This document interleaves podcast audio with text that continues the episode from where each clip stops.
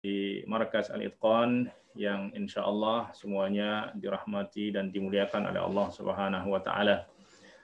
Uh, Alhamdulillah pada hari ketiga kita berpuasa, Allah Subhanahu wa taala uh, perkenankan kita untuk uh, bertemu kembali di dalam Maidatul Ilmi ya.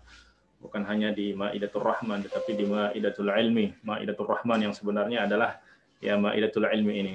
Ya karena maidatul rahman yang kita dihidangkan untuk berbuka puasa itu adalah maidah buat perut. Ya, tetapi maidatul ilmi adalah buat kehidupan jiwa kita kehidupan roh kita kehidupan hati kita. Dan itulah kehidupan yang sebenarnya. Taib, nah, insya Allah pada uh, pertemuan uh, kita ataupun kajian kita pada Ramadan ini akan membaca kitab Al-Arba'un Ar-Ramdaniyah ya. Al-Arba'un Ar-Ramdaniyah 40 hadis mengenai puasa Ramadan.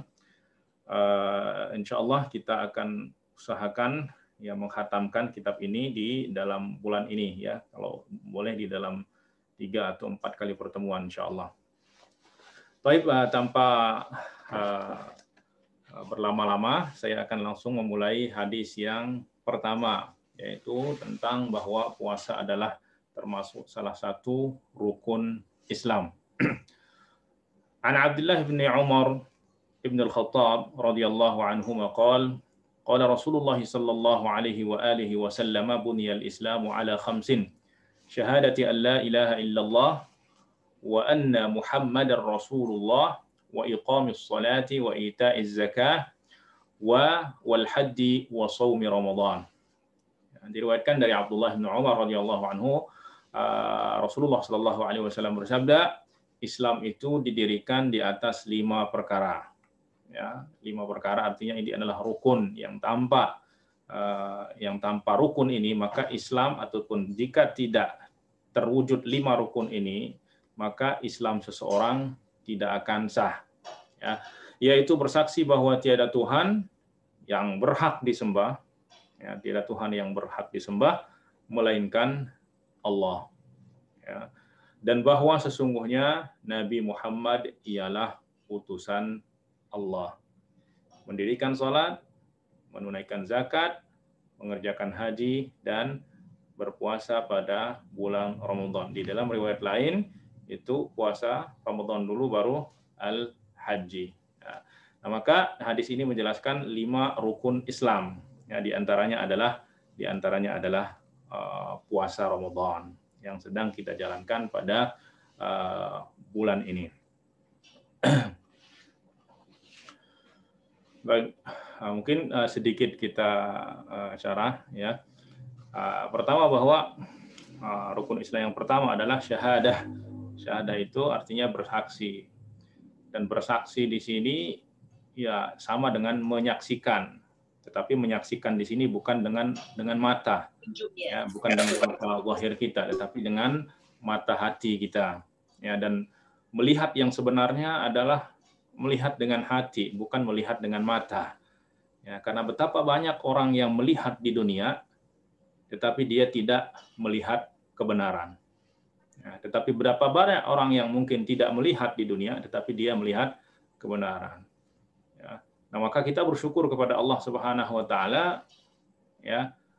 Kita tidak melihat Allah, tidak melihat Rasulullah Shallallahu alaihi wasallam dengan mata kita, tetapi Allah buka mata hati kita sehingga kita bisa melihat wujud Allah Subhanahu wa taala dan Rasulullah Shallallahu alaihi wasallam. Ya. Dan kita bersyukur walaupun Uh, kita dari Rasulullah Shallallahu Alaihi Wasallam dari masa Rasulullah Shallallahu Alaihi Wasallam itu sudah 1400 tahun ya 1440 1440 sekian tahun ya jarak masa antara kita dengan Rasulullah Shallallahu Alaihi Wasallam ya, yang bahkan bayangan Rasulullah Shallallahu Alaihi Wasallam pun kita tidak pernah melihatnya tetapi kita dibuka hatinya oleh Allah Subhanahu Wa Taala sehingga dapat beriman, dapat meyakini dan dapat menyaksikan wujud Rasulullah Shallallahu Alaihi Wasallam. Sementara banyak orang-orang kufar dulu, bahkan orang-orang terdekat Rasulullah Shallallahu Alaihi Wasallam, Abu Jahal, Abu Lahab dan orang-orang kufar Quraisy lainnya itu melihat Rasulullah Shallallahu Alaihi Wasallam dengan mata mereka, tetapi mereka tidak melihatnya dengan hati mereka. Mereka melihatnya dengan mata mereka sebagai Muhammad, yaitu sebagai anak yatim yang dibesarkan oleh Abdul Muthalib, oleh Abu Talib. Tetapi mereka tidak melihat apa yang ada di balik Muhammad itu, bahwa Muhammad itu adalah Rasulullah. Nah, Rasulullah itu tidak bisa dilihat dengan mata, tetapi bisa dilihat dengan cahaya keimanan. Ya, oleh sebab itu, dulu seorang uh, solehin ditanya, lima ta'budullah wa anta la tarahu. Kenapa kamu menyembah Allah padahal kamu tidak melihatnya? Dia mengatakan apa? Laulam arahu ma'abadtuhu. Kalau saya enggak melihatnya, bagaimana saya mau menyembahnya? Katanya. Justru saya menyembahnya karena saya melihatnya. Inni la arahu bi'aini, walakinni arahu binuril iman. Saya memang tidak melihatnya dengan mata saya, li'annahu la tudrikul absar wa yudrikul absar tetapi saya melihatnya dengan cahaya keimanan. Nah, maka dengan beriman kepada Allah dan Rasulullah sallallahu alaihi wasallam kita beriman kepada rukun-rukun Islam Islam lainnya sehingga kita menjalankannya. Itulah sebabnya orang yang dipanggil untuk kewajiban ini adalah orang-orang yang beriman.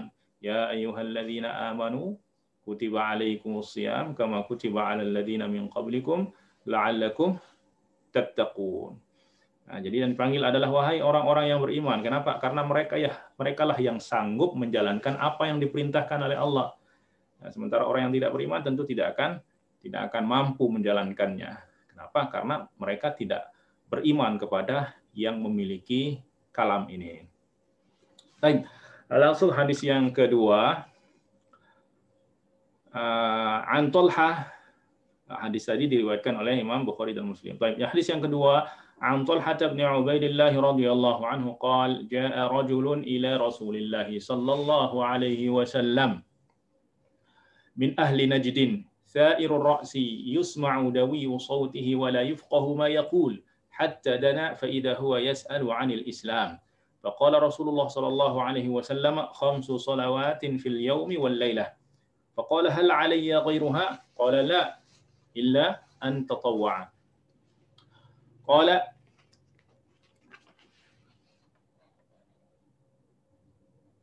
قال رسول الله صلى الله عليه وسلم وصيام رمضان. قال هل علي غيرها؟ غيره؟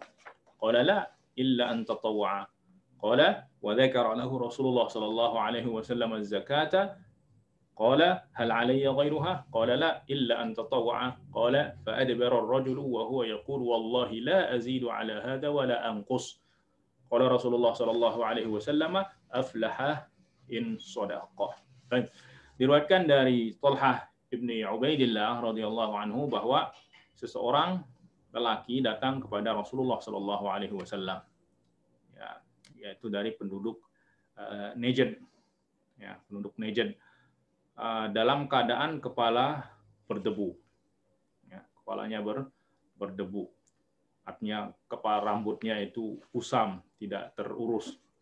Suaranya terdengar, tetapi tidak dimengerti apa yang diucapkan.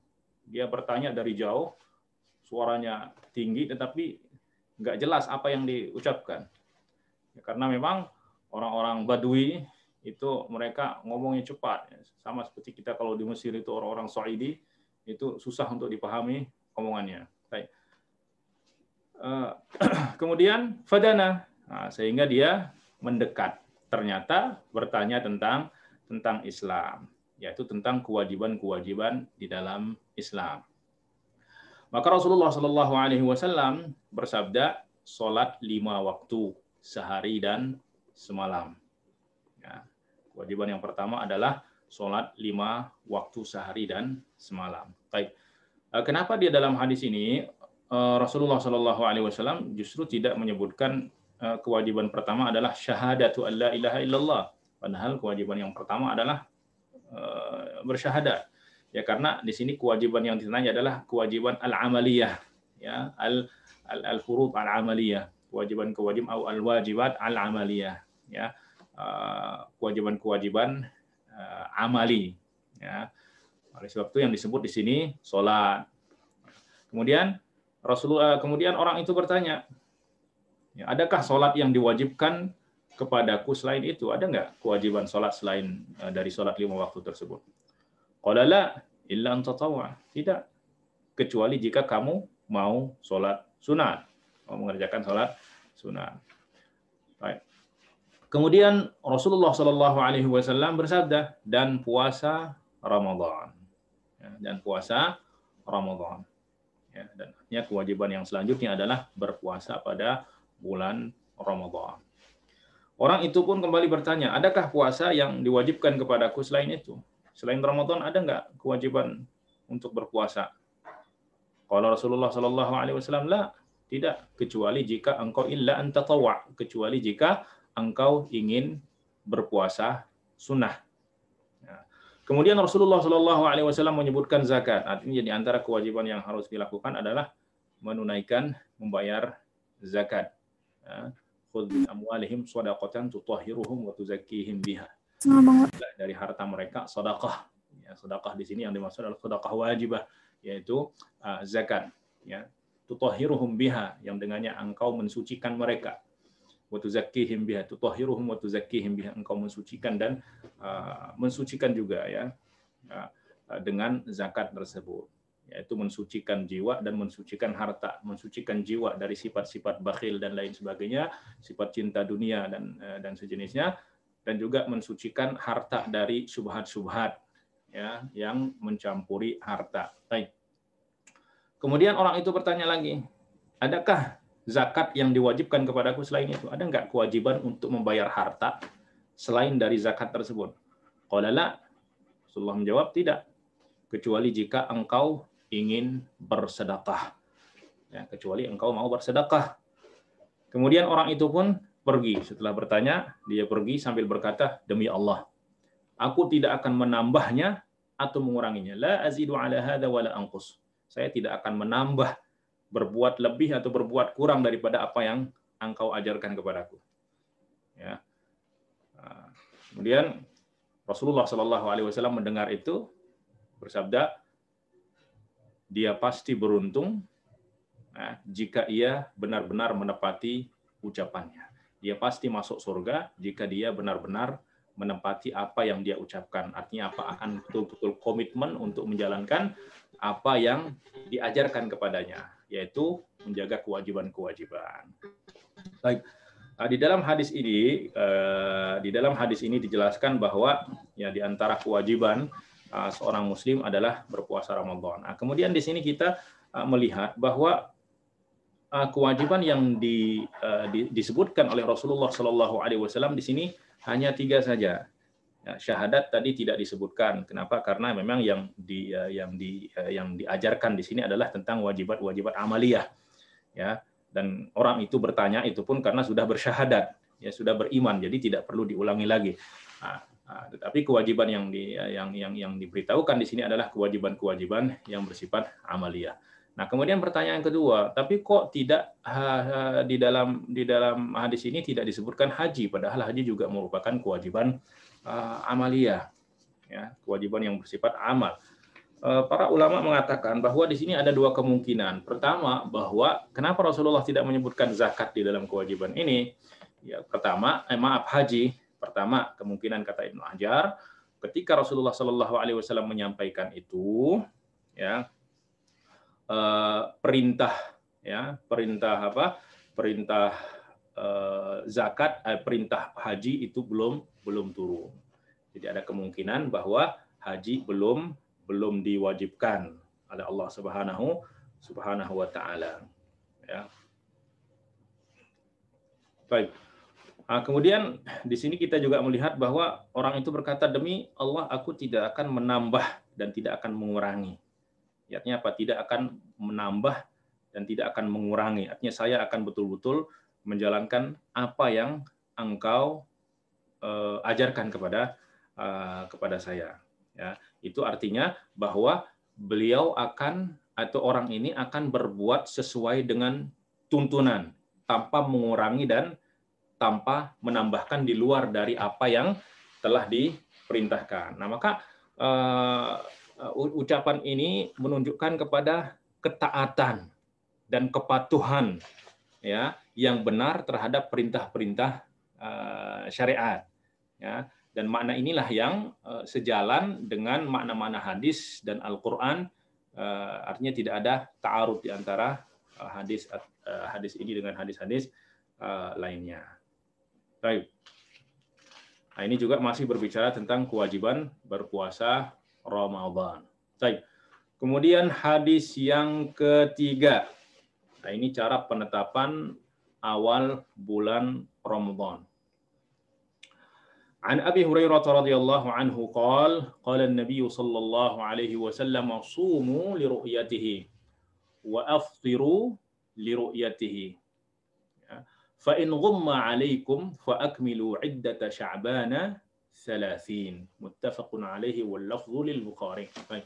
Diriwayatkan dari Abu Hurairah radhiyallahu anhu uh, bahwa Rasulullah sallallahu alaihi wasallam bersabda, "Berpuasalah kalian karena melihat hilal ataupun bulan sabit dan berbukalah kalian ya yakni berbuka di sini artinya uh, bukan berbuka puasa ya, di waktu maghrib tetapi mengakhiri puasa Ramadan Ya, berbuka artinya mengakhiri puasa Ramadan karena melihat hilal, yaitu setelah melihat bulan sabit. Nah, apabila bulan ditutupi atasmu tidak terlihat, gomma baik itu ditutupi oleh awan atau lain sebagainya atau memang karena belum muncul, maka apa yang akan dilakukan? Maka sempurnakanlah jumlah Sya'ban 30 hari.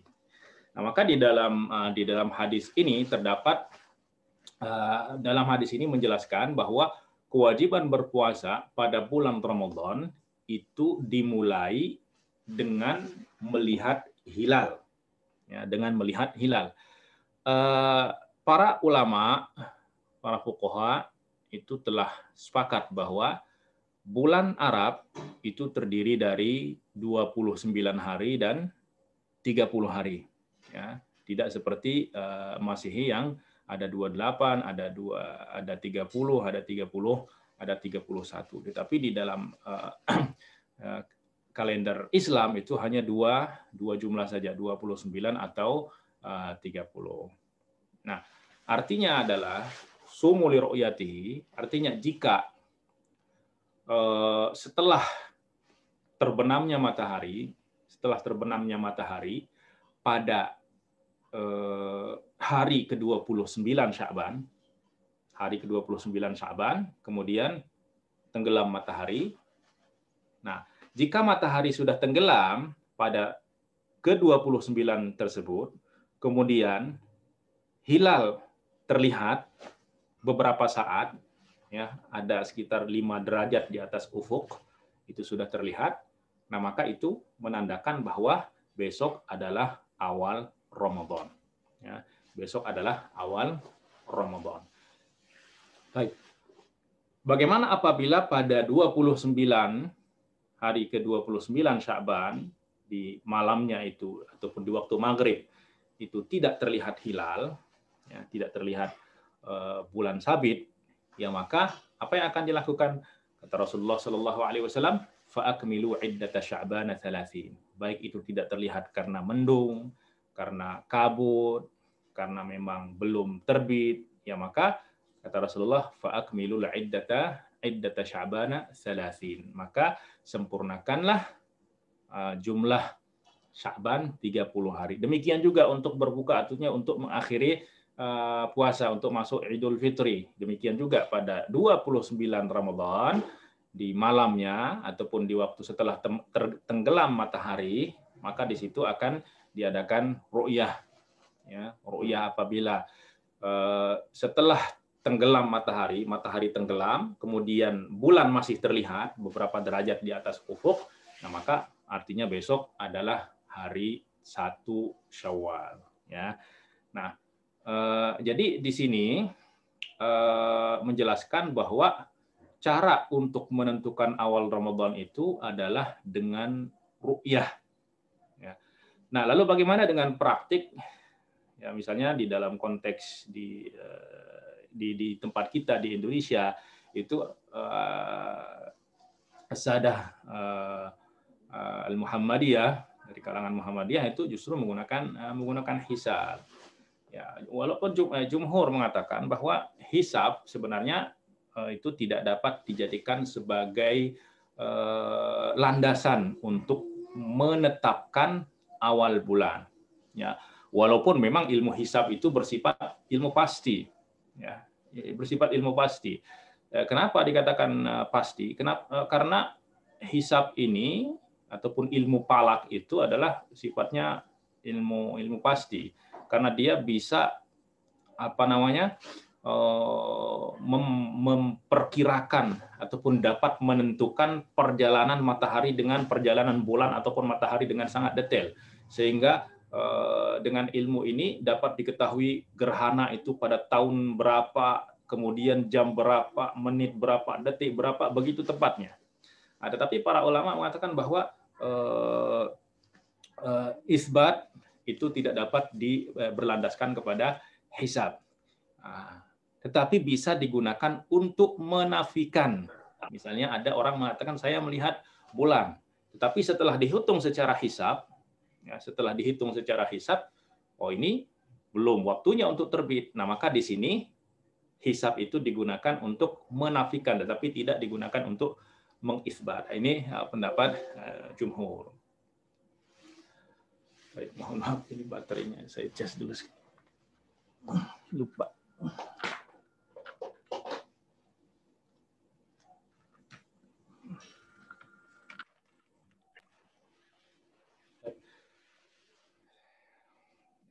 Ya, walaupun mungkin uh, yang menggunakan hisab itu uh, menggunakan ada riwayat yang mengatakan faqduru lahu lahu perkirakan. Dan perkirakan itu ya tentu menggunakan hisab.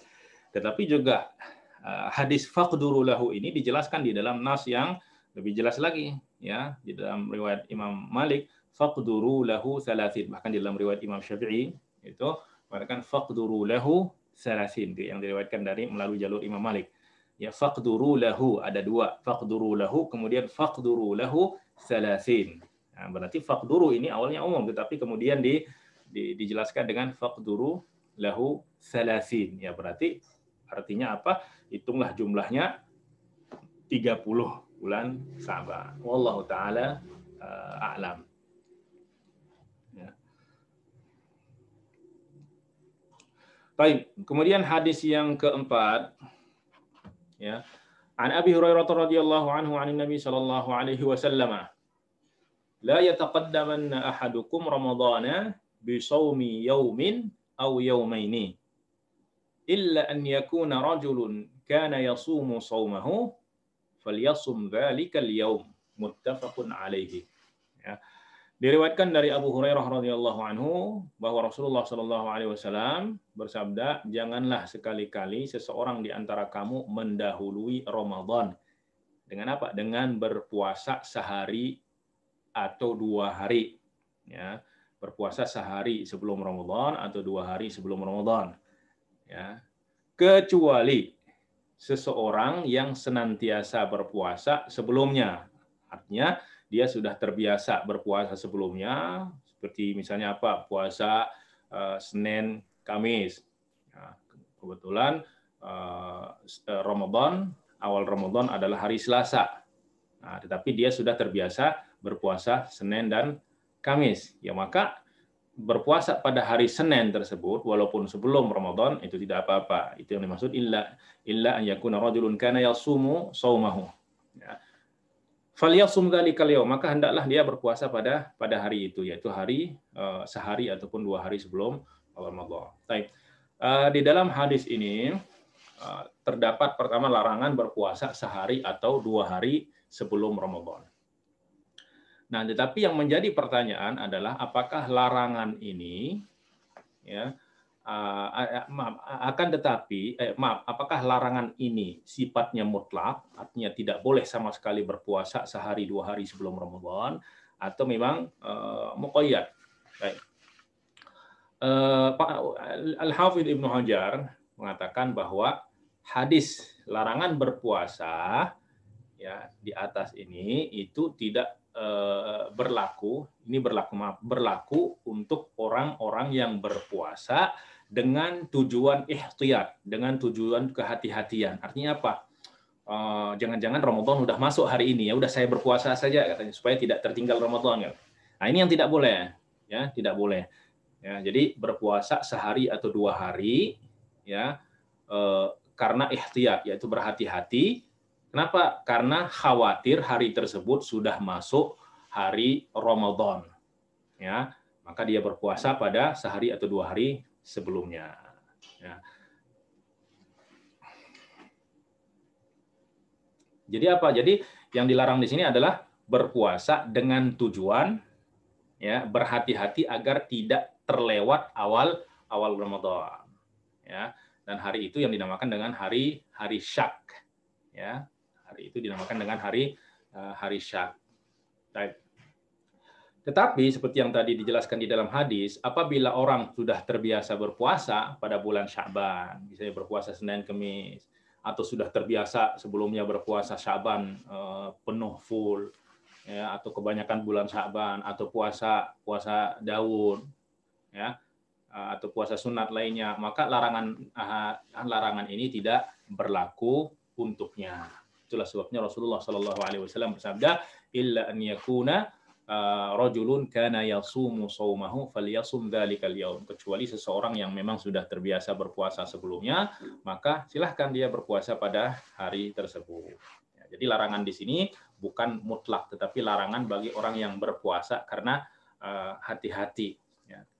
Kenapa? Karena kenapa dilarang? Karena uh, tadi di dalam hadis sebelumnya bahwa perintah wajibnya berpuasa itu setelah melihat bulan bukan karena Eh, karena ada uh, apa namanya kekhawatiran, wah ini jangan-jangan sudah masuk bulan Ramadan, nah saya puasa saja, nggak bisa diterka-terka seperti itu.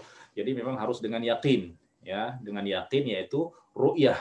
Kalaupun tidak ada ru'yah, bagaimana kita mendapatkan yakin? Ya maka dengan kita menyempurnakan Sya'ban 30 hari. Ya.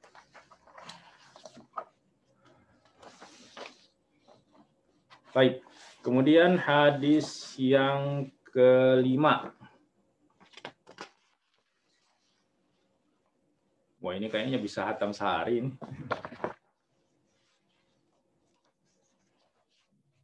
Baik. Hadis yang kelima.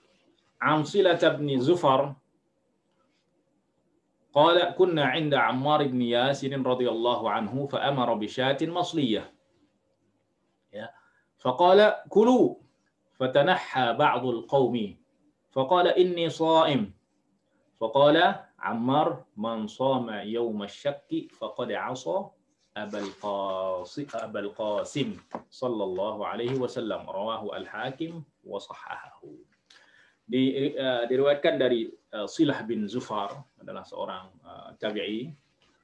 Dia berkata, suatu ketika kami bersama Ammar bin Yasir radhiyallahu anhu Lalu uh, ia meminta agar kambing yang telah dibakar, masliyah atau masyuyah, ya, yang telah dibakar itu uh, segera dihidangkan. Ya. Kemudian dia berkata, kulu, makanlah kalian. Uh, Fatanaha ba'dul qaum. Akhirnya maka menjauhlah sebagian sebagian orang dan berkata, saya sedang berpuasa. Nah, lalu Ammar berkata, "Mana soma yauma syakki faqad asa Abul Qasim." Barang, barang siapa yang berpuasa pada hari syak, maka dia sudah bermaksiat kepada Abul Qasim yaitu Rasulullah sallallahu alaihi Rasulullah sallallahu alaihi wasallam. Ya. Uh, Al-Hafidh Ibnu Hajar di dalam Fathul Bari mengatakan hadis ini dijadikan oleh uh, para ulama sebagai dalil haramnya berpuasa pada hari syak. Ya.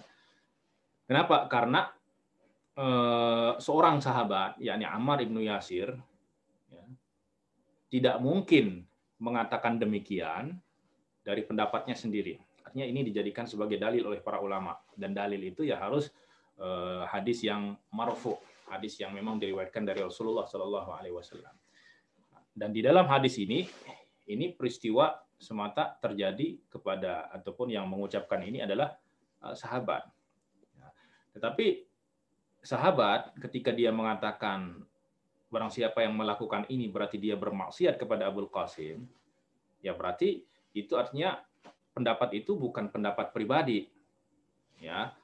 Uh, karena tentu dia sudah mendengar Rasulullah Shallallahu alaihi wasallam melarang hal tersebut. Nah, sehingga hadis ini dapat dikategorikan di dalam hadis yang marfu. Ya, walaupun memang surahnya bentuknya itu uh, seperti hadis maukuf. Ya. Nah, kemudian yang kedua, peristiwa ini terjadi sehari sebelum Ramadan. Oleh sebab itu, Ammar bin Yasir mengatakan man shoma syakki faqad asa Abul. Apa itu hari syak? Hari syak adalah hari ke-30 Sya'ban. Ya, hari ke-30 Sya'ban ataupun 29 30 Sya'ban itu masuk di dalam hari syak ya, khususnya 30 Sya'ban karena ini adalah hari yang diragukan apakah masih bulan Syaban atau memang sudah masuk uh, Ramadan. Ya. Karena misalnya tertutup bulan tertutup oleh oleh awan. Imam Nawawi mengatakan bahwa hari Syak adalah hari ke-30 Syaban. Ya.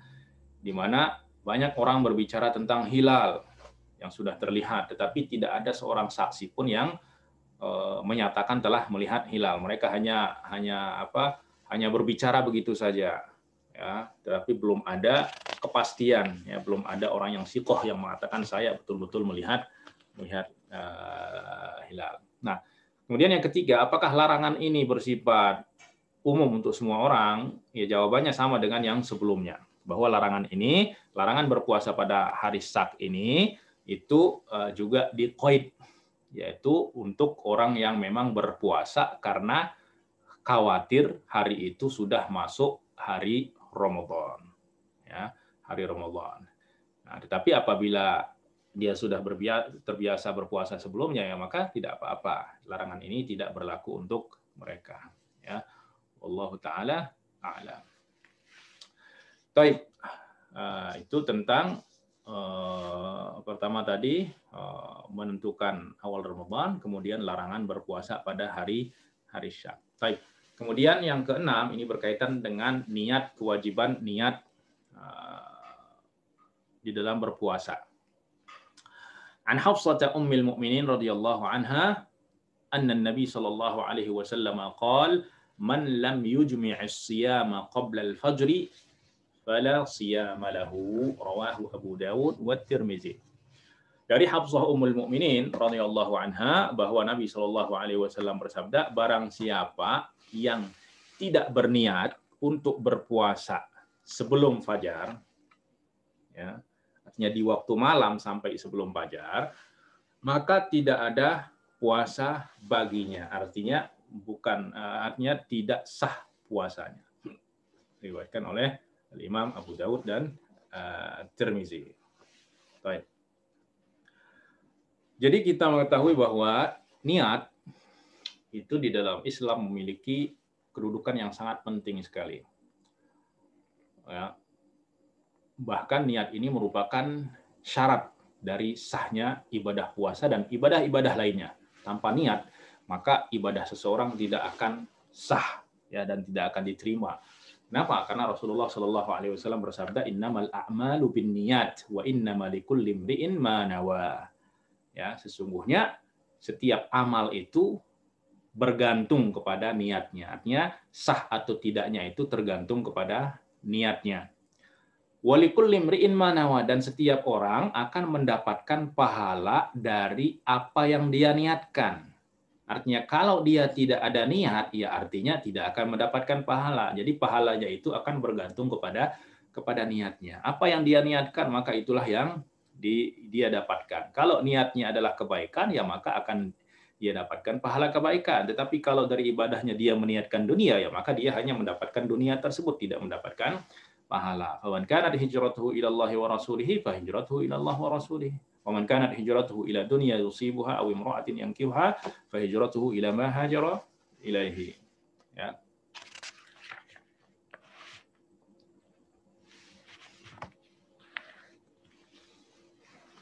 Nah, maka di sini uh, Rasulullah Shallallahu Alaihi Wasallam menjelaskan di dalam hadis ini bahwa uh, wajib tabiitun niyah, yaitu berniat di waktu di waktu malam.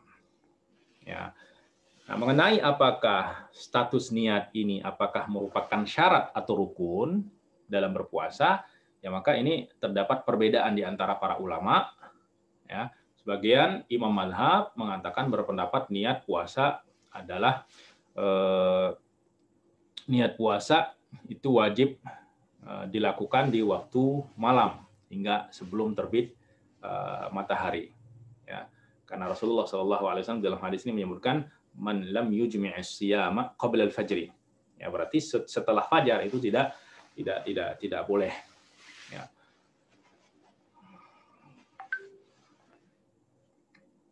Ya, walaupun uh, di dalam madhab Hanafi, di dalam madhab Imam Abu Hanifah bahwa niat puasa itu boleh dilakukan di waktu di waktu pagi ya, ataupun di waktu siang. Ya, bagi mereka tidak tidak masalah.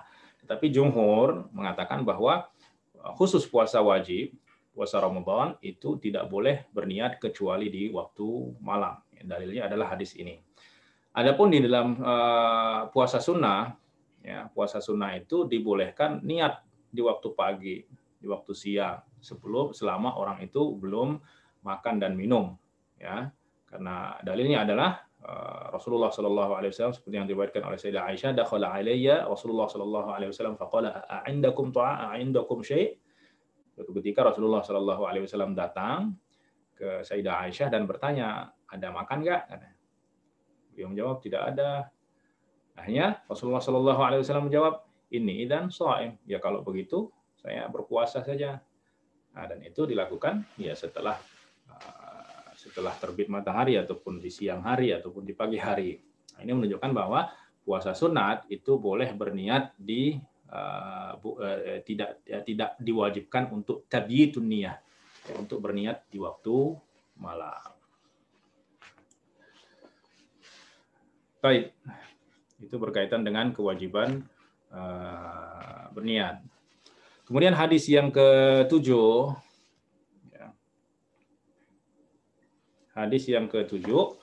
Anil Bara ibn Azim radhiyallahu anhu qal kana ashabu Rasulillah kana ashabu Muhammad sallallahu alaihi wasallam idza kana ar-rajulu sha'iman fa hadara al-iftar fanama qabla an yuftira lam ya'kul wala yawmahu hatta yumsiya wa inna Qais ibn Sirmata al-Ansariyya kana sha'iman falamma hadara al-iftar أتى امرأته فقال عندك طعام؟ أعندك طعام؟ قالت لا ولكن أنطلق فأطلب لك. وكان يومه يعمل فغلبته عيناه.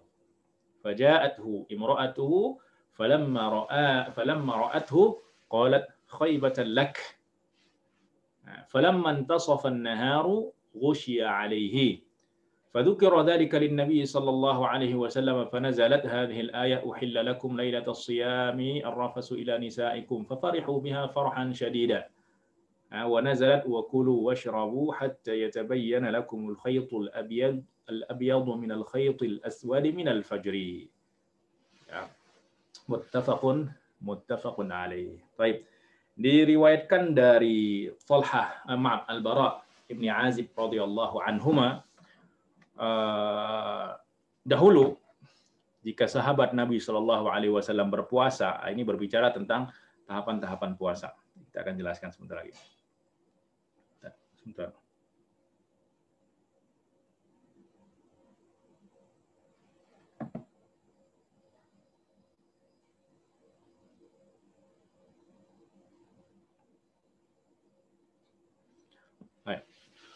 Dahulu jika sahabat Nabi berpuasa dan tiba waktu berbuka, lalu mereka tidur sebelum berbuka puasa, maka tidak boleh makan di waktu malam dan siang hari berikutnya sampai malam sampai malam hari lagi. Dan sesungguhnya Qais bin Sirmah al-Ansari pernah berpuasa dan ketika tiba waktu berbuka ia datang kepada istrinya dan bertanya, "Apakah kamu punya makanan?" Istrinya menjawab, "Tidak." Namun aku akan keluar mencari makanan untukmu. Nah, pada hari itu Qais telah bekerja keras hingga ia pun tertidur karena kecapean kerja ya full day, akhirnya tertidur sebelum berbuka. Nah, ketika istrinya datang dan melihat Qais bin Sirmah tertidur, nah, dia pun berkata, rugilah kamu. Kenapa? Karena ya nggak akan dapat berbuka sampai besok.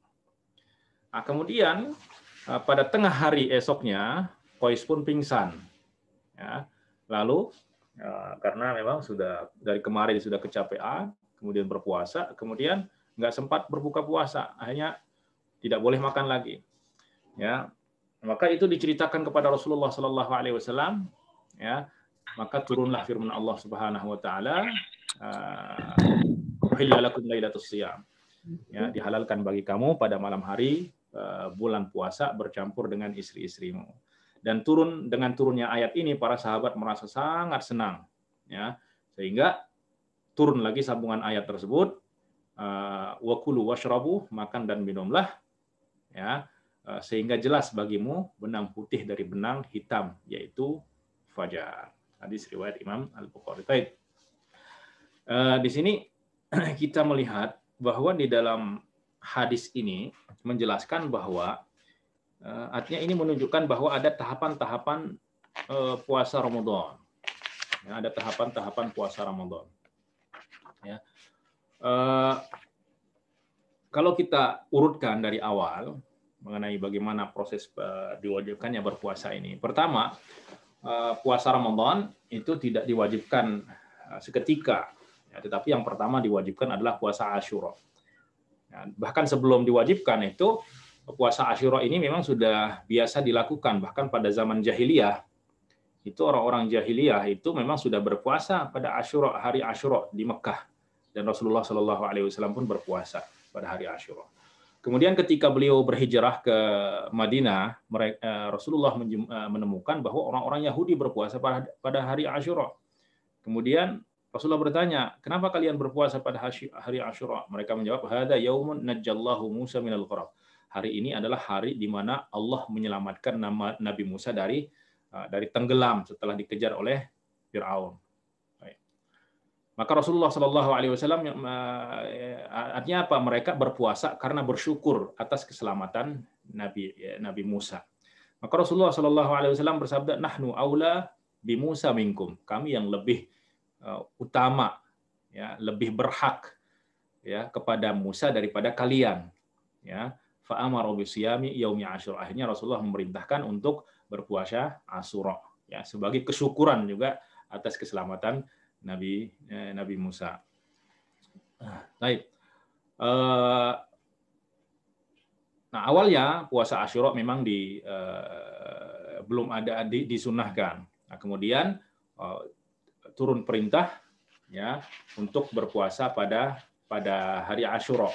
Ya, man akala suatu ketika Rasulullah Shallallahu Alaihi Wasallam bersabda man akala fal yutimma saumahu. Barang siapa yang sudah makan, maka eh, dari semenjak saat ini hendaklah dia berpuasa. Wa man lam yakul falyasum. Barang siapa yang belum makan sama sekali ya udah sempurnakan puasanya. Ya, sempurnakan sempurnakan puasanya yaitu pada hari Asyura. Nah, kemudian uh, turun firman Allah Subhanahu wa taala ya ayyuhalladzina amanu kutiba alaikumus syiyamu kama kutiba alal ladzina min qablikum la'allakum tattaqun. Syahrul Ramadan alladzi unzila fihi al-Qur'an. Nah, dengan diturunkannya kewajiban berpuasa Ramadan, maka puasa hari Asyura dinasah. Ya, artinya kewajiban berpuasa hari Asyura di dinasah dihapus, diganti dengan Ramadan. Tapi hukum berpuasanya masih tetap yaitu puasa sunnah. Jadi yang dinasah itu adalah kewajiban berpuasa pada hari Asyura. Ketika diwajibkan berpuasa Ramadan, maka puasa Asyura tidak lagi wajib tetapi menjadi puasa sunnah. Nah, kemudian puasa Ramadan pun ini ada ada ada ada eh, fase-fasenya, ada tingkat ada ada apa tahapan-tahapannya, ya. Nah, eh, tahapan-tahapannya. Baik. Eh, tahapan yang pertama adalah kaum muslimin dulu itu kaum muslimin boleh memilih tahapan berpuasa Ramadan dulu kaum muslimin boleh memilih antara berpuasa atau tidak berpuasa. Jadi ada ada ada ada pilihan. Nah, yang tidak berpuasa, yang memilih untuk tidak berpuasa pada bulan Ramadan, boleh, tetapi dia wajib membayar fidyah dengan memberi makan kepada seorang miskin setiap ya per hari. Ya, per hari dia tidak ber, berpuasa. Dan itu dijelaskan di dalam firman Allah Subhanahu wa taala, "Wa 'alal ladzina yutiqunahu fidyatun tu'amu miskin, faman tatawwa'a khairan fahuwa khairul lah." Ya dan wajib bagi bagi orang-orang yang berat menjalankannya jika mereka tidak berpuasa untuk membayar membayar fidyah. Ya, jadi dulu orang merasa berat untuk berpuasa ya boleh memilih tidak berpuasa tetapi wajib sebagai gantinya membayar membayar fidyah. Nah, uh, itu tahapan yang tahapan yang pertama. Nah, kemudian tahapan yang kedua ya hukum itu dinasah. Ya, hukum itu di uh, dinasah. Ya, yaitu dengan perintah Allah Subhanahu wa taala faman syahida minkum syahra falyasumhu. Barang siapa yang ada di bulan Ramadan itu menyaksikan bulan Ramadan itu maka hendaklah dia berpuasa. Maka dengan demikian wajib berpuasa semua orang ya yang akil, yang balik, yang sehat dan tidak musafir wajib berpuasa dari terbit matahari dari terbit matahari sehingga hingga terbenam tenggelam matahari. Nah, ini adalah tahapan yang kedua. Ya, yang diwajibkan kepada semua orang yang mampu, yang akil, balik, sehat, tidak tidak musafir dan tidak ada tidak ada halangan. Ya. Dan dibolehkan untuk makan dan minum setelah maghrib, ya dibolehkan makan dan minum dan berhubungan dengan berhubungan suami istri ya di waktu maghrib selama ia tidak tidur. Nah, selama dia tidak tidak tidur. Tapi kalau sudah tidur setelah eh, setelah uh, di waktu malam, maka setelah tidur itu dia tidak boleh lagi makan dan makan dan minum. Nah, ini tahapan yang kedua. Jadi dibolehkan makan silahkan makan makan minum dan lain sebagainya, tetapi jangan tidur. Kalau sudah tidur berarti sudah tidak boleh uh, tidak boleh lagi. Ya, dan itu yang diceritakan di dalam Eh, di dalam eh, hadis ini, ya, hadis yang ada di hadapan kita ini. Dan itu eh, juga terjadi kepada Sayyidina Umar bin Al-Khattab. Jadi banyak yang kasus seperti Qais bin Sirnah ini banyak yang terjadi kepada para sahabat. Di antaranya adalah Sayyidina Umar bin Al-Khattab radhiyallahu anhu seperti yang diriwayatkan oleh Imam Ahmad. Suatu ketika Raja Umar bin Al-Khattab min indin Nabi sallallahu alaihi wasallam. Suatu ketika Rasulullah Umar bin Al-Khattab pulang dari Rasulullah Shallallahu Alaihi Wasallam. Waqad sahira indahu dan beliau bersama Rasulullah itu sampai tengah malam. Kemudian ketika beliau pulang, fawajada imro'at qad namat. Imro'at qad namat. Ketika pulang, ternyata istrinya sudah tidur. Nah, ketika itu Sayyidina Umar sudah sudah sangat rindu kepada kepada istrinya.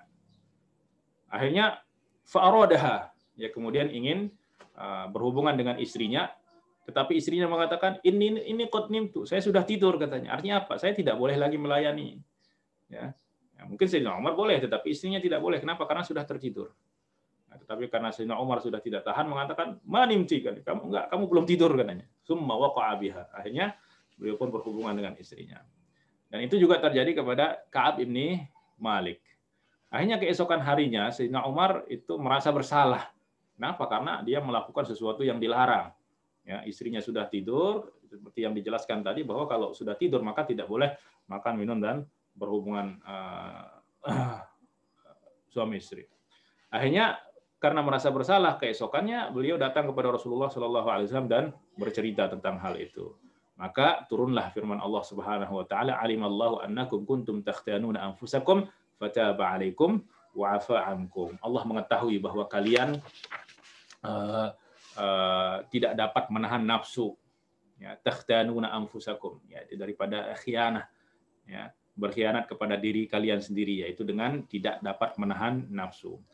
Nah, dan itu adalah karena karena itu adalah sesuatu yang sangat berat ya akhirnya apa Allah memberikan keringan nah karena karena itu oleh sebab itu Allah mengampuni kamu dan memberikan maaf kepadamu ya nah, itu tahapan yang tahapan yang kedua dari puasa Ramadan. diwajibkan kepada semua orang uh, untuk berpuasa dari pagi hingga terbit matahari. Setelah itu boleh makan dan minum selama tidak tidur. Kalau udah tidur maka tidak tidak apa? Tidak tidak boleh lagi uh, makan dan minum. Baik, kemudian tahapan yang ketiga uh, yaitu dengan turunnya ayat 187 dari surat Al-Baqarah. Ya.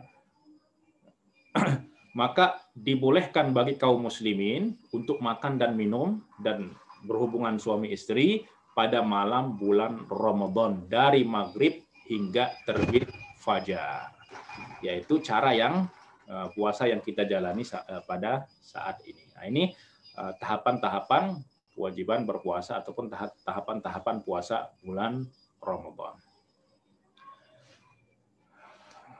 Kita habiskan sampai hadis ke-10 ya kalau bisa 12 ya supaya lebih cepat selesainya. Baik. Kemudian hadis yang ke-8 an Hurairah radhiyallahu anhu قال قال رسول الله صلى الله عليه وسلم أتاكم رمضان شهر مبارك فرض الله عليكم فرض الله عز وجل عليكم صيامه. تفتح فيه أبواب السماء وتغلق فيه أبواب الجحيم وتغل فيه مردة الشياطين. لله فيه خير لله فيه ليلة خير من ألف شهر. من حرم خيرها فقد حرم. رواه النسائي. Dari Abu Hurairah radhiyallahu anhu, Rasulullah shallallahu alaihi wasallam bersabda, telah datang kepadamu bulan Ramadan, yaitu bulan yang diberkahi. Ya, Allah telah mewajibkan berpuasa di bulan itu, berpuasa kepadamu di bulan itu. Di bulan itu, pintu-pintu langit dibuka. Di dalam riwayat lain, tuftahu fi abwabul jannah, pintu-pintu surga dibuka. Dan pintu-pintu neraka ditutup. Dan setan-setan pembangkang dibelenggu. Nah, di bulan itu, Allah memiliki satu malam yang lebih baik dari seribu malam. Seribu bulan, Barang siapa yang tidak mendapatkan kebaikannya, kebaikan malam tersebut, maka ia tidak mendapatkan kebaikan apa pun. Artinya dia sudah betul-betul rugi. Ya. Rahu An-Nasai hadis riwayat Imam An-Nasai.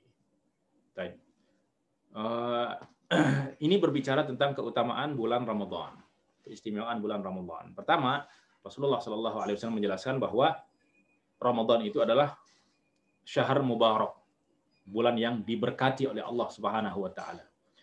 Ya, mubarak itu diambil dari kata al-barakah dan al-barakah itu adalah az-ziyadatu fil khair yaitu bertambahnya kebaikan, melimpahnya kebaikan. Maka bulan Ramadan itu adalah bulan melimpahnya kebaikan, ditambahnya kebaikan-kebaikan. Ya, sehingga dijelaskan di dalam hadis-hadis lain bahwa walaupun hadis itu adalah hadis dhaif tetapi ini dalam fadilah bahwa puasa sunnah dilipat gandakan pahalanya seperti pahala wajib dan pahala wajib dilipat gandakan seperti 70 puasa eh, uh, 70 uh, ibadah wajib ya. Nah, kemudian uh, di antara keistimewaan bulan Ramadan juga bahwa pada bulan tersebut tufattah tuftahu fi abwabus sama wa abwabul jannah. Dibuka pintu-pintu pintu-pintu langit atau pintu-pintu surga. Apa yang dimaksud dengan pintu-pintu surga dibuka? Para ulama menjelaskan bahwa yang dimaksud dengan pintu-pintu surga dibuka adalah dibukanya pintu-pintu amal kebaikan. Ya, karena pintu surga itu adalah amal amal kebaikan. Ya. Nah, maka pada bulan Ramadan amal-amal kebaikan itu dibuka. Ya, dibuka. Kemudian apa? Nah, sehingga Artinya apa? Akan lebih mudah untuk masuk ke dalam surga itu kalau orang mau. Nah, seakan-akan pintu surga itu terbuka lebar. Artinya semua akses menuju surga itu dibuka oleh Allah Subhanahu wa taala pada pada bulan Ramadan. Kemudian tughallaku fihi abwabul jahim. Kemudian neraka jahanam itu pintunya ditutup. Apa maksud ditutup pintunya? Yang dimaksud ditutup pintunya adalah pintu-pintu maksiat itu ditutup. Nah, apa maksud pintu maksiat ditutup? Pintu maksiat ditutup yaitu dengan seorang hamba mengendalikan nafsunya. Kenapa? Karena di dalam bulan Ramadan orang di uh, diharuskan untuk menjaga nafsunya, mengendalikan nafsunya. Ya, kenapa? Karena orang ya, orang itu terjatuh tidak terjatuh ke dalam dosa kecuali oleh sebab nafsu dan syahwatnya. Nah, maka ketika nafsu sudah dikendalikan ya maka pintu-pintu maksiat itu seakan-akan disempitkan. Ya, pintu-pintu maksiat di, disempitkan. Nah, pintu maksiat disempitkan itu berarti bahwa pintu neraka ditutup. Nah, kenapa? Karena pintu neraka itu adalah maksiat. Nah, ketika sebab dari maksiat itu ditutup, ya maka ataupun disempitkan, ya maka pintu neraka pun akan akan ditutup. Ya. Baik. Kemudian Tughallu fi maradatu syayatin. Setan-setan dibelenggu. Nah, ini juga artinya apa? Apakah betul-betul setan itu diikat dengan rantai atau ini makna majazi? Ya, para ulama mengatakan ini juga maknanya makna majazi. Ya, artinya setan tidak diberikan kekuasaan yang luas untuk menjerumuskan manusia, khususnya orang-orang muslim. Kenapa? Karena dengan karena pintu ya, pintu kekuasaan setan kepada diri kita itu adalah nafsu kita. ya, nafsu. Jadi jalan setan menuju diri kita itu adalah nafsu kita. Dan setan bisa memperdayakan manusia itu yang karena nafsunya itu. Tetapi ketika nafsu sudah dikendalikan, maka setan itu tidak bisa berbuat apa-apa, seakan-akan dia diikat. Nah, itu yang dimaksud tughallu fi syayatin. Ya, karena karena yang menjadikan kita terjatuh di dalam maksiat itu bukan setan sebenarnya, tapi nafsu kita setan itu hanya hanya mengompori saja, hanya hanya memanas-manaskan saja. Ya.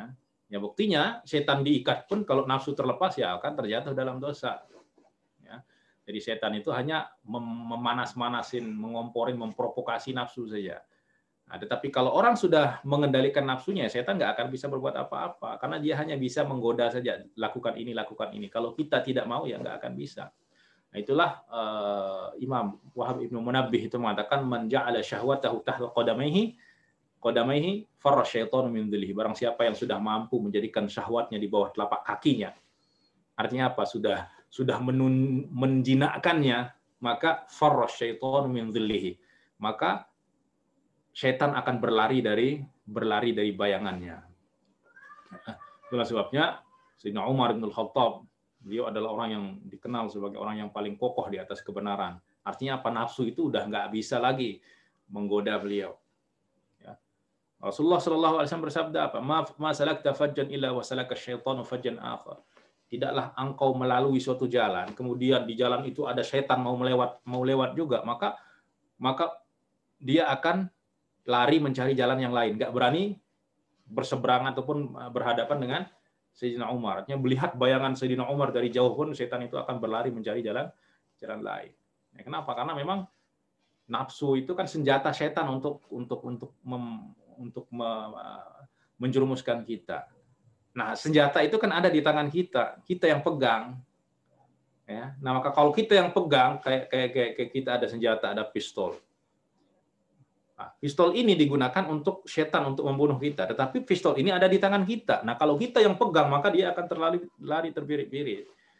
Tetapi sebaliknya kalau senjata itu kita berikan kepadanya, nafsu itu kita serahkan kepadanya, ya maka dengan dengan senjata itu dia akan membunuh membunuh kita.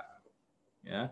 Nah, maka ini yang dimaksud dengan watughallu fihi maradatu syayatin. Setan-setan pembangkang itu akan di diikat yaitu apa? Dengan nafsu itu di, di, dikendalikan. Nah, kemudian yang eh, selanjutnya adalah fihi lailatun khairu min alfi syahr. Di bulan Ramadan itu terdapat satu malam, yaitu malam eh, yang mana lebih baik dari seribu bulan. Subhanallah, ini adalah keutamaan yang luar biasa. Seribu malam itu sama dengan 83,4 tahun. Nah, bulan Lailatul Qadar malam Lailatul Qadar itu lebih baik dari 84 83,4 tahun. Artinya apa? Beribadah pada malam itu seakan-akan orang beribadah selama 83 tahun tidak berhenti-henti. Subhanallah. Ya. Sholat misalnya pada malam itu, maka seakan-akan dia selama 83 tahun bahkan lebih daripada itu dia sholat tidak terputus. Bersedekah pada malam itu walaupun dia bersedekah dengan beberapa rupiah saja. Tetapi kalau itu pada malam Lailatul Qadar jadi seakan-akan dia enggak henti-hentinya ber, bersedekah selama 83 tahun lebih bahkan lebih baik daripada itu. Baca Quran maka akan-akan enggak terputus-utus membaca Al-Quran selama 80 tahun. Subhanallah ini adalah keistimewaan yang diberikan kepada umat ini dan itu ada di dalam bulan Ramadan. Itulah sebabnya kita harus bersungguh-sungguh untuk mendapatkannya. Nah, nah artinya apa?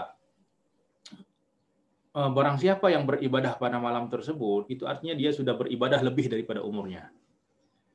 Nah, kisahnya uh, dulu ketika Rasulullah Shallallahu Alaihi Wasallam itu bercerita tentang ada orang-orang dari umat sebelumnya itu ada di antara mereka itu yang mengangkat senjata itu selama seribu tahun berjihad di jalan Allah.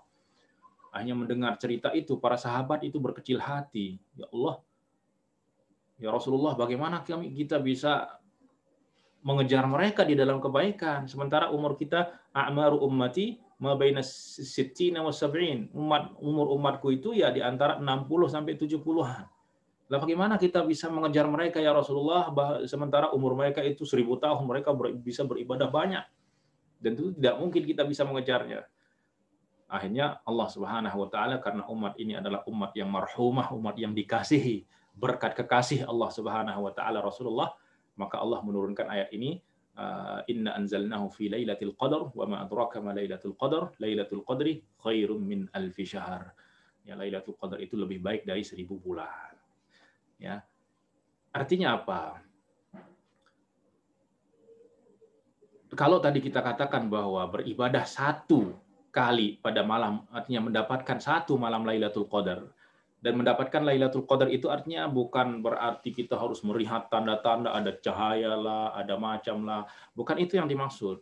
Yang dimaksud dengan mendapatkan Lailatul Qadar adalah bersungguh-sungguh beribadah pada malam itu. Nah, maka barang siapa yang bersungguh-sungguh pada malam itu, dia pasti mendapatkan dialah yang eh, mendapatkan Lailatul Qadar tersebut. Ya.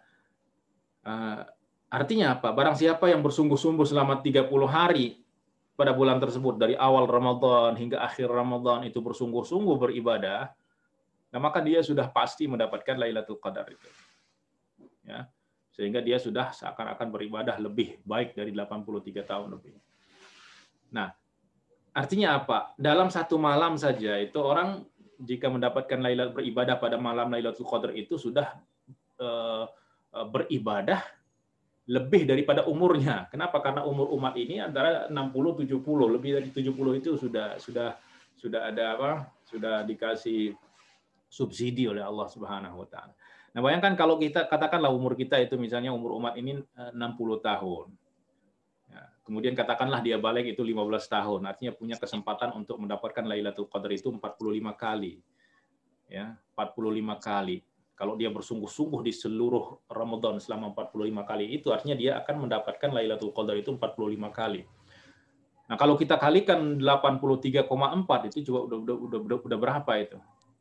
Jadi 3753 tahun lebih daripada itu subhanallah. Artinya apa? Jauh umur umat ini lebih panjang dari umat-umat sebelumnya. Jadi seakan-akan umur umat ini lebih panjang dari umat-umat sebelumnya. Kenapa? Karena dia dalam satu malam saja itu uh, dalam uh, satu malam saja sudah bisa beribadah 83 tahun. Ya. Nah, maka itulah sebabnya Rasulullah Shallallahu alaihi wasallam bersabda, "Man hurima khairaha, barang siapa yang ketinggalan yang tidak mendapatkan kebaikan malam itu, artinya dia tidak bersungguh-sungguh pada malam hati hari itu, artinya dia sama sekali tidak mendapatkan kebaikan apa pun. Artinya dia betul-betul rugi, rugi 83 tahun lebih ya kebaikan ya. Dan tentu kita tidak akan dapat beribadah terus-menerus selama 83 tahun tidak mungkin. Beribadah 24 jam saja tidak mungkin. Tetapi ini dengan beribadah pada malam Lailatul Qadar, subhanallah ya Barang siapa yang ketinggalan, kehilangan kebaikan itu, maka dia sudah kehilangan segala-galanya. Nah, maka eh, kesempatan kali ini ya kita harus ya, bersungguh-sungguh beribadah ya semata-mata karena Allah Subhanahu wa taala di bulan ini sehingga Allah muliakan kita dengan bulan Ramadan. Baik. Nah, itu di antara keistimewaan yang terdapat di dalam bulan ini. Baik, kemudian hadis yang ke-9, an Abi Hurairah radhiyallahu anhu an Rasulillah sallallahu alaihi wasallam qaal, "Idza kanat awwalu lailatin min Ramadan suffidat asyayatin wa maradatul jinni wa ghulqat abwabun nari falam yuftah minha babun. Wa futihat abwabul jannah falam yughlaq minha babun. Wa nada munadin ya baghil khairi aqbil wa ya baghi wa ya baghi asy-syarri aqsir. Walillahi utaqa Diriwayatkan dari Abu Hurairah radhiyallahu anhu rawahu Ibnu Majah. Diriwayatkan dari Abu, Hurairah radhiyallahu anhu bahwa Rasulullah sallallahu alaihi wasallam bersabda, jika tiba awal bulan Ramadan, awal malam bulan Ramadan, maka setan-setan dan jin-jin pembangkang dibelenggu. Ya, sama seperti hadis yang sebelumnya. Pintu-pintu neraka ditutup dan tidak ada yang dibuka. Pintu-pintu surga dibuka dan tidak ada yang ditutup. Nah, lalu ada penyeru, yaitu malaikat ada yang menyeru yang berseru, "Hai orang-orang yang mencari kebaikan, teruslah, teruskanlah. Ya, bersemangatlah, bersungguh-sungguhlah. Akbil." Ya syari. Kenapa? Karena pada pada bulan tersebut dibuka pintu-pintu kebaikan. Ya, teruslah dan jangan menoleh ke belakang. Bersungguh-sungguhlah dan jangan bermalas-malas. Dan hai orang-orang yang mencari keburukan, berhentilah. Ya, berhentilah Kenapa? Kalian akan rugi serugi-ruginya. Sesungguhnya Allah membebaskan orang-orang dari api neraka. Kenapa? Ya, eh, ada penyeru. Ya karena ada peluang yang akan diberikan untuk dibebaskan dari api neraka, yaitu apa? Dengan bersungguh-sungguh itu. Ya. Dan dia mengatakan walillahi utaqa. Kenapa? Karena Allah pada malam-malam bulan Ramadan, pada bulan Ramadan itu ada hamba-hamba yang dibebaskan dari api neraka. Artinya bukan dikeluarkan dari api neraka, artinya apa? Namanya dihapus dari daftar ataupun dari list orang-orang yang masuk api neraka. Subhanallah. Wadhalika fi kulli lailah dan itu di setiap malam itu ada. Allah melihat kepada hamba-hambanya siapa yang bersungguh-sungguh. Ah ini bulan ini bersungguh-sungguh. Tolong delete namanya dari uh, orang-orang yang uh, masuk dalam api neraka. Ya karena pada prinsipnya, pada hakikatnya memang setiap orang yang diciptakan, setiap manusia itu dia sudah punya dua tempat, satu tempat di surga dan satu tempat di neraka. Baik itu orang kafir ataupun orang muslim, dia sudah sudah punya dua jatah, satu jatah di surga dan satu jatah di api neraka. Ya. Nah, ketika orang bersungguh-sungguh beribadah, maka jatah dia di, di, di api neraka itu akan dihapus. Artinya namanya terdaftar di api neraka itu dihapus ya. Nah, nah dan orang-orang kafir itu nanti eh, di hari kiamat itu surga mereka akan diberikan kepada orang-orang mukmin dan orang-orang mukmin nerakanya itu akan diberikan kepada orang-orang orang-orang kafir. Nah, itulah uh, makna firman Allah Subhanahu wa taala ulaika humul warithun. Mereka itulah orang-orang yang mewariskan. Apa yang diwariskan? Mewariskan surga. Ya. Waliman khafa maqam rabbih jannatan. Dan orang yang takut kepada makom Tuhannya memiliki dua sorga, mendapatkan dua sorga. Sorga yang pertama adalah sorga yang memang miliknya, kemudian sorga yang kedua adalah sorga yang diwariskan, di mana dia nanti akan berpindah dari satu tempat ke tempat yang lain. Subhanallah. Ya, nah ini adalah peluang kata kata yang menyuruhkan ini akwil ber, ber, bersungguh-sungguhlah, semangatlah, teruskanlah beramal. Ya, jangan menoleh ke belakang. Kenapa? Karena engkau akan mendapatkan peluang untuk dijadikan sebagai orang-orang yang dihapus namanya dari daftar orang-orang yang akan masuk ke dalam api api neraka. Nah, dan itu peluang itu ada di dalam bulan Ramadan setiap malam, setiap hari, ya setiap malam itu ada orang-orang yang dimerdekakan, dibebaskan oleh Allah Subhanahu Wa Taala. Dan semoga ya semoga kita semua yang hadir di dalam majelis ini, keluarga-keluarga kita termasuk dari orang-orang yang uh, dibebaskan oleh Allah Subhanahu Wa Taala pada bulan Ramadan, uh, pada bulan Ramadan ataupun di malam-malam bulan Ramadan ini. Artinya apa? Kalau orang sudah dihapus namanya sekali, maka untuk selama-lamanya itu tidak akan pernah tertulis lagi. Ini adalah peluang ya.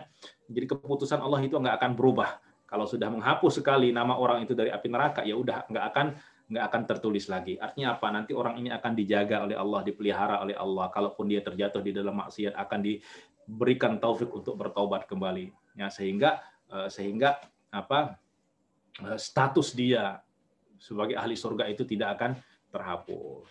Ya. Taib, kemudian hadis yang ke-10. Ya. Ya, mungkin ini adalah yang terakhir, ya. Hadis yang ke-10 dan hadis yang uh, terakhir عن أبي هريرة رضي الله عنه قال قال رسول الله صلى الله عليه وسلم قال الله عز وجل كل عمل ابن آدم له إلا الصيام فإنه لي وأنا أجزي به والصيام جنة فإذا كان يوم صوم أحدكم فلا يرفث يومئذ ولا يسخب atau wala yaskhab ya, boleh dengan sod boleh dengan sin dua-duanya maknanya sama ولا يسخب ولا يصخب. يا؟ فإن سابه أحد أو قاتله فليقل إني امرؤ صائم.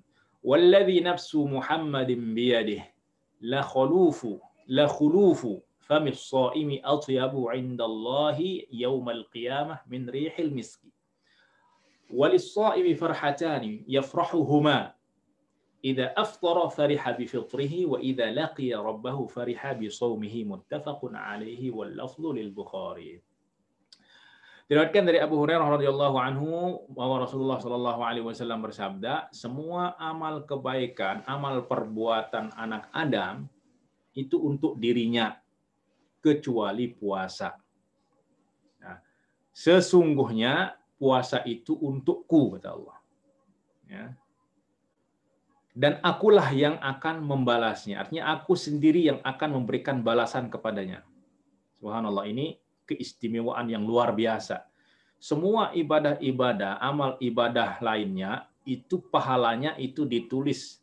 Memang semua dari Allah balasannya, tetapi ada yang melalui perantara malaikat, malaikat tolong catat pahala bulan sekian sekian sekian. 10 kali lipat sampai 700 kali lipat. Tetapi ibadah puasa subhanallah tidak diserahkan kepada malaikat. Allah sendiri yang akan memberikan balasan kepadanya. Itulah makna fa innahu li. Nah, sesungguhnya puasa ini adalah ibadah khusus untukku. Ya, wa ana ajzi bihi. Dan sayalah karena apa? Karena eh, puasa ini adalah ibadah rahasia yang tidak diketahui oleh siapa pun kecuali oleh hamba itu sendiri dengan Allah Subhanahu wa taala. Ya. Nah, puasa adalah perisai. Nah, di antara keistimewaan lain adalah puasa adalah perisai, yaitu perisai yang akan menghalangi orang terjatuh ke dalam ke dalam perbuatan maksiat, yaitu apa dengan dia eh, dapat mengendalikan nafsunya apabila suatu hari seseorang dari kalian berpuasa, maka janganlah ia pada hari itu berkata rofas. Rofas itu ya berkata kotor, berkata jorok, ya. Dan jangan dan jangan pula berteriak-teriak. Ya, karena ini tidak sesuai dengan etika orang yang berpuasa. Orang berpuasa itu harus sakinah, wakor, tawadu, rendah hati dan seterusnya. Maka jangan berteriak-berteriak. Ya, Baik. Kemudian apa? Jika ada orang yang menghinanya atau mengajaknya berkelahi, ya maka hendaklah ia berkata. Nah, ini berkata para ulama mengatakan ini berkata dalam dirinya, bukan dia mengatakan, hei jangan berantem dengan saya, saya sedang berpuasa. Bukan itu yang dimaksud. Ya, karena ibadah ini adalah ibadah ibadah rahasia. Maka ketika dia mengumumkan dia sedang berpuasa, maka dia tidak akan jadi rahasia lagi. Oleh sebab itu para ulama mengatakan, faliyakul ini Artinya apa? Dia mengatakan itu dalam dirinya apa? Dia mengingatkan dirinya, saya sedang puasa, saya sedang puasa, saya sedang puasa. Jangan layanin orang ini. Itu yang dimaksud. Ya, yudzakiru nafsahu, mengingatkan dirinya kalau dia sedang berpuasa dan orang berpuasa itu harus dapat mengendalikan nafsunya. Jangan sampai terpancing emosi oleh perilaku orang lain. Artinya apa? Jangan sampai perilaku kita itu didikti oleh perilaku orang lain, ya, sehingga kita tidak memiliki kepribadian. Dan puasa ini eh, ingin menjadikan kita itu betul-betul memiliki kepribadian, ya bahkan tidak tunduk kepada nafsu. Ya. Baik. Maka faliyakul inni mru'un shaim sesungguhnya hendaklah dia mengatakan sesungguhnya aku orang yang sedang berpuasa. Itu mengatakan dalam dirinya sekali lagi bukan bukan ngumumin kalau saya sedang berpuasa, jangan ajak saya berantem gitu ya. Bukan. Nah, demi zat yang jiwa Muhammad berada di tangannya, sesungguhnya bau mulut orang yang berpuasa itu lebih harum di sisi Allah pada hari uh, pada di sisi Allah, yakni pada hari uh, kiamat daripada harumnya minyak misik ataupun minyak kesturi. Ya. Orang yang berpuasa mendapatkan dua kegembiraan ya, yang akan mengembirakannya, yaitu apabila dia berbuka dia bergembira para ulama menjelaskan uh, bergembiranya di sini bukan dengan ber, berbuka puasanya itu, tidak. Ya karena ber, orang yang bergembira hanya dengan berbuka puasa ini adalah orang yang memang berpuasa itu hanya menahan mengumpulkan kekuatan untuk makan. Sehingga ketika datang ketika azan maghrib serbu, tidak seperti itu. Ya, jadi bergembiranya itu bergembiranya karena dia sudah diberikan taufik oleh Allah untuk menyempurnakan ibadah puasa tersebut. Ya, jadi dengan berbuka puasa itu artinya dia sudah sudah sudah apa? Sudah uh, menyempurnakan uh, uh, puasanya, ya. Atau karena memang dia dia melihat kepada berbuka ini adalah anugerah Allah Subhanahu wa taala. Tadi dia dilarang makan, dilarang minum. Akhirnya dengan dia diizinkan. Jadi dia dia dia berbahagia itu karena dia diizinkan oleh Allah Subhanahu wa taala, bukan dengan makanan itu sendiri. Ya. Karena kalau makanan itu yang mengembirakan kita, itu nanti biasanya orang akan lupa diri sehingga apa? Sehingga makannya itu uh, dirapel ya, bahkan makannya makan pada bulan puasa itu melebihi makan pada bulan-bulan lainnya. Nah, dan kegembiraan yang kedua adalah kegembiraan nanti kebahagiaan ketika dia bertemu dengan Tuhannya. Dia bergembira setelah melihat balasan puasa. Coba bayangkan, ini balasan yang memang langsung diberikan oleh Allah Subhanahu wa taala dan tentu itu sangat berbeda. Ya, istimewa sekali. Pahalanya langsung diberikan oleh Allah dan kita bi tidak bisa bayangkan jika Allah sendiri yang akan memberikan balasan. Ya. Nah, ini di antara keistimewaan-keistimewaan berpuasa, ya khususnya puasa Ramadan. Nah, maka hendaklah makna-makna ini kita hadirkan di dalam hati kita sehingga kita menjalankan ibadah ini dengan sepenuh hati, ya, dan bukan hanya menganggap ini sebagai beban saja. Dan yang kedua yang harus kita pahami bahwa kita ini manusia, dan manusia itu diciptakan dari dua unsur. Ada unsur fisik dan ada unsur rohani, roh. Dan fisik eh, fisik dan roh ini masing-masing memiliki makanan. Ya, makanan fisik itu adalah makan nasi, daging, ikan, buah-buahan, minuman, air dan lain sebagainya. Itu adalah makanan yang dinikmati oleh fisik ini. Nah, apabila dia tidak makan, maka dia akan mati. Nah, demikian juga roh itu juga memiliki makanan, perlu kepada makanan dan makanannya itu adalah ketaatan, ibadah, sholat, puasa. Nah, maka di sini kalau orang melihat kepada rohaniahnya dan kewajiban untuk memberikan makan rohaniah itu lebih lebih lebih kuat daripada memberikan makanan kepada jasad ini karena hidup yang sebenarnya itu kan bukan hidup jasad ini. Kalau jasad ini pasti mati, tapi hidup yang sebenarnya itu adalah kehidupan rohani. Hidupnya rohani itu artinya apa? Dekat dengan Allah Subhanahu wa taala akan lahir daripada dirinya itu perbuatan-perbuatan perbuatan-perbuatan baik. Nah, nah, maka puasa juga sebenarnya makan, makannya rohani. Sehingga apa? Kalau orang melihat puasa ini adalah makan, maka dia tidak akan tidak tidak akan merasa kehilangan makan siangnya. Kenapa? Karena berpindah dari satu makan ke makan yang lain. Bahkan makanan makanan rohani ini jauh lebih menggembirakan daripada jauh lebih lezat daripada makanan uh, makanan jusmani jika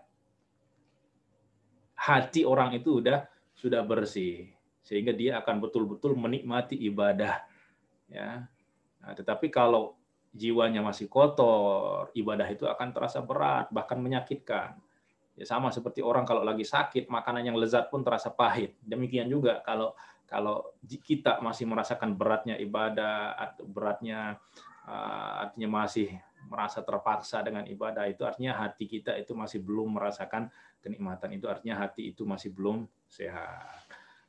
Ya, nah maka itu yang harus betul-betul kita pahami agar kita bisa menjalankan ibadah puasa ini dengan betul-betul sehingga kita dapat mencapai target tujuannya yaitu apa la'allakum tattaqun agar kalian menjadi orang-orang yang bertakwa. Baiklah uh, para Nah, ikhwatal iman, kita cukupkan pertemuan kali ini sampai hadis yang ke-10.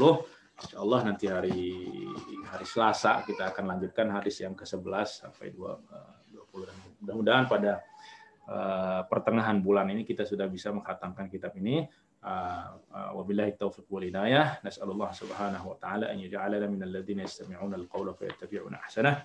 Wassalamualaikum warahmatullahi wabarakatuh.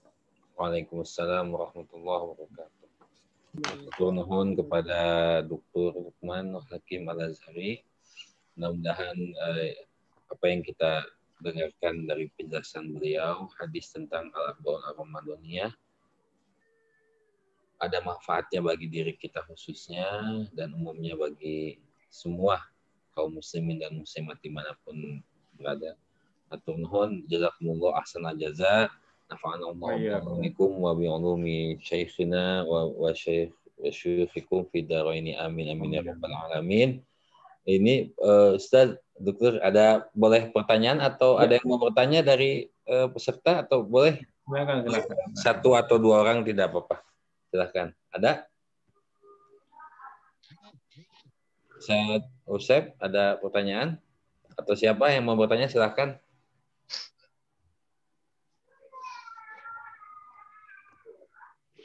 Ada yang mau bertanya? Kalau tidak ada bertanya, kita akan kita akan tutup pertemuan kita. Hah? Ngantuk kayaknya. Kaifa Joseph atas Alshi.